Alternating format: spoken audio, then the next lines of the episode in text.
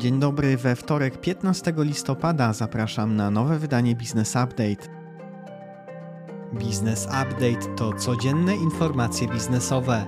Odsłuchaj przed pracą i zacznij dzień z przewagą. Podczas wczorajszej sesji GPW kontynuowała mocne wybicie. WIG20 rósł o ponad 3% do 1743 punktów. W Stanach małe cofnięcie S&P 500 i Nasdaq spadały około 1%. Od poniedziałku umacnia się dolar i we wtorek rano płacimy za niego 4,55. Gospodarka i makroekonomia. Minister Rozwoju i Technologii ustanowił na wniosek szefa ABW tymczasowy zarząd przymusowy nad 100% akcji PAO Gazprom w systemie gazociągów tranzytowych Europol Gaz.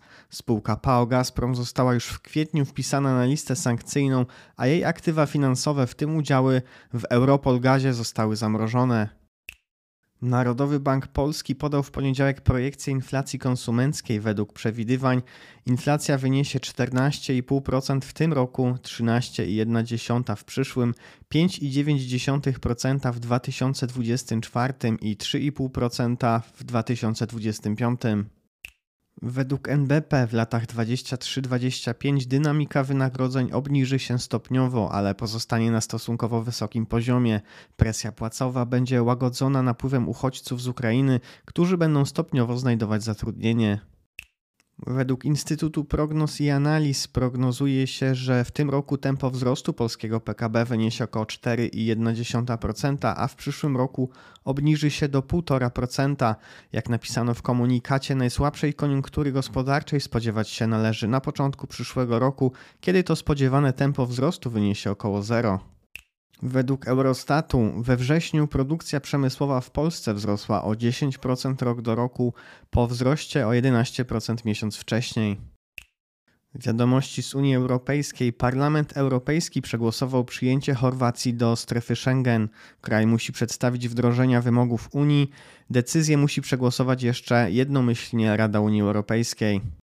Wiadomości ze świata, tym razem Stany Zjednoczone. Wybory midterm do Senatu wygrywają demokraci 50 do 49 miejsc. W Izbie Reprezentantów przewagę mają republikanie 217 do 205 miejsc. Sekretarz Skarbu Stanów Zjednoczonych Janet Yellen bezwzględnie rekomenduje podniesienie limitu zadłużenia kraju a niezrobienie tego może być zagrożeniem dla oceny kredytowej Stanów Zjednoczonych i funkcjonowania amerykańskich rynków finansowych. Część republikanów może wykorzystać limit zadłużenia, obecnie w wysokości 31,5 biliona dolarów, jako dźwigni do wymuszenia ustępstw na prezydencie demokratów Joe Bidenie. Chiny w zeszłym tygodniu poluzowały ograniczenia covidowe, w tym m.in. skracają kwarantannę dla podróżujących i wycofują kary dla linii lotniczych, które przywiozły chorych do kraju. Chiny są ostatnim dużym krajem utrzymującym lockdowny i kwarantanny. Według ONZ orientacyjnie dziś liczba ludności przekroczy 8 miliardów. Informacje biznesowe. Agora uzgodniła ze związkami zawodowymi zwolnienie 84 pracowników. W związku z zwolnieniami zawiąże rezerwę w wysokości 3,5 miliona złotych. Oszczędności mają przynieść spółce ponad 6,5 miliona złotych w skali roku. Grupa kinowa Helios należąca do Agory planuje do 21 grudnia zwolnić do 80 pracowników. Rozpoczęta została procedura konsultacji w sprawie zwolnień grupowych. Bolt przeznaczy 10 milionów złotych na poprawę bezpieczeństwa przejazdów, otworzy kilkanaście punktów obsługi kierowców i rozwinie system ich weryfikacji. InPost nawiązał współpracę z Zalando. Polska na razie będzie jedynym krajem, w którym gigant e-commerce będzie korzystał z usług przewoźnika.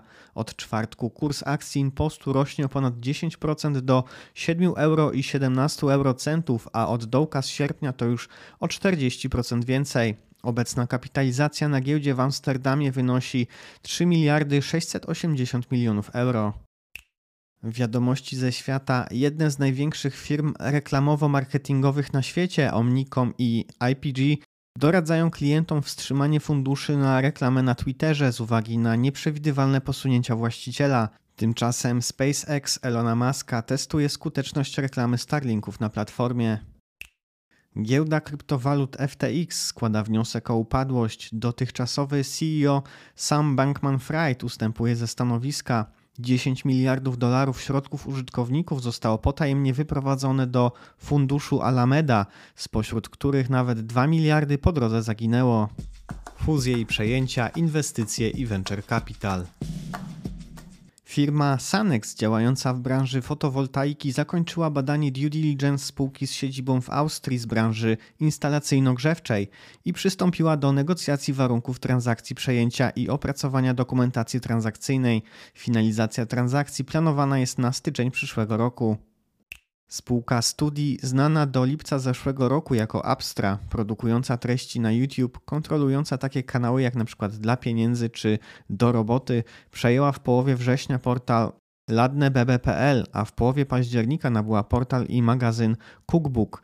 Prezes firmy Oleg Wandzel powiedział, że treści kulinarne skierowane do rodziców zajmują wysokie miejsce na liście priorytetów firmy. Studi ma w planach poszerzenie portfolio także o tematykę domu i wnętrz, motoryzacji, urody i technologii. Spółka informatyczna Aileron podpisała przedwstępną umowę wykupu menedżerskiego rozwiązań informatycznych Hotel Tech, w tym Ailumio, w formie zorganizowanej części przedsiębiorstwa. Przez wykup, wykupu dokona spółka zależna jednego z kluczowych pracowników. System dostarcza rozwiązania dla branży hotelarskiej, podczas gdy Aileron chce się skupić na obsłudze branży finansowej. Jak wynika z raportu Bain Company, PFR Ventures i Polskiego Stowarzyszenia Inwestorów Kapitałowych, Europa Środkowo-Wschodnia pozostanie atrakcyjnym miejscem do inwestowania dla funduszy private equity. Jako główne atuty regionu wskazano trend nearshoringu, niższe niż na zachodzie koszty produkcji, bliskość geograficzną czy napływ środków unijnych z funduszy spójności. Jako ryzyko wskazano rosyjską agresję na Ukrainę. Wiadomości ze świata Estée Lauder jest bliskie nabycia marki Tom Ford przy wycenie Enterprise Value na poziomie 2 miliardów 800 milionów dolarów. Tom Ford był wieloletnim dyrektorem kreatywnym Gucci do 2005 roku, kiedy założył własny brand. Prawo i podatki. Według Sądu Okręgowego we Wrocławiu zatrzymani w sprawie zarzucanych przez prokuraturę wyłudzeń z PEFRON przez spółkę Work Service pozostaną na wolności. Sąd zastosował poręczenie majątkowe 200 tysięcy złotych. Dobry zwyczaj, mądrze pożyczaj. Takie hasło nosi tegoroczny otwarty Dzień Komorników Sądowych, organizowany 16 listopada. Każdy będzie mógł zasięgnąć bezpłatnej porady dotyczącej postępowania egzekucyjnego. Porady będą udzielane także pod numerem telefonu 22 299 87 77. Prezes Łokik informuje, że ruszyły kontrole składów węgla w całej Polsce przez inspekcje handlowe. Celem jest m.in. zwiększenie intensywności monitoringu cen pod kątem zmów przedsiębiorców oraz kontrola legalności ich działania. Inspektorzy będą również sprawdzać prawidłowość uwidaczniania cen przez sprzedawców oraz zaświadczenia o kraju pochodzenia towaru. Wojewódzki Sąd Administracyjny w Warszawie rozstrzygnął, że aktualnie obowiązujące przepisy podatkowe, które weszły w życie 7 lipca tego roku, nie dają żadnej podstawy prawnej do blokowania rachunków podatników prowadzących działalność gospodarczą przez naczelników urzędów celno-skarbowych. Taką kompetencję posiada wyłącznie szef Krajowej Administracji Skarbowej.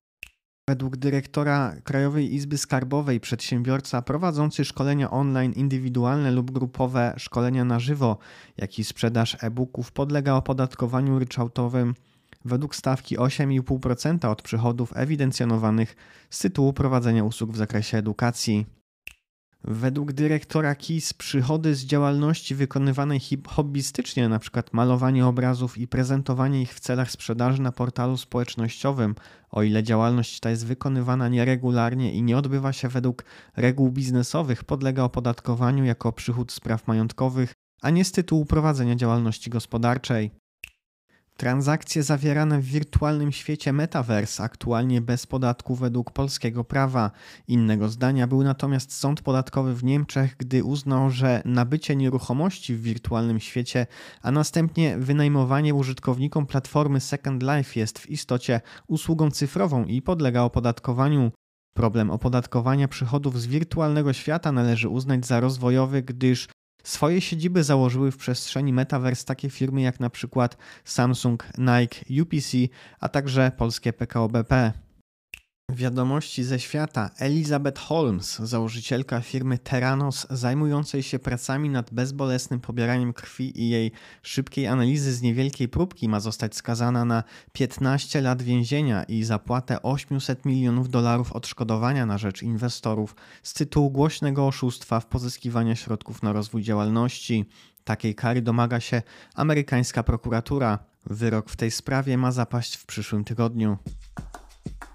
Wiadomości rynkowe.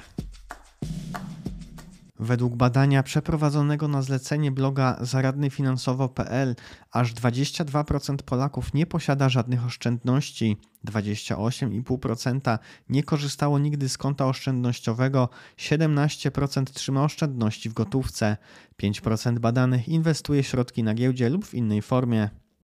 Jak wynika z analizy Europejskiego Funduszu Leasingowego, 64% firm budowlanych odczuwa negatywny wpływ wojny na Ukrainie, 45% firm obawia się zmniejszonych zamówień, a 44% problemów finansowych.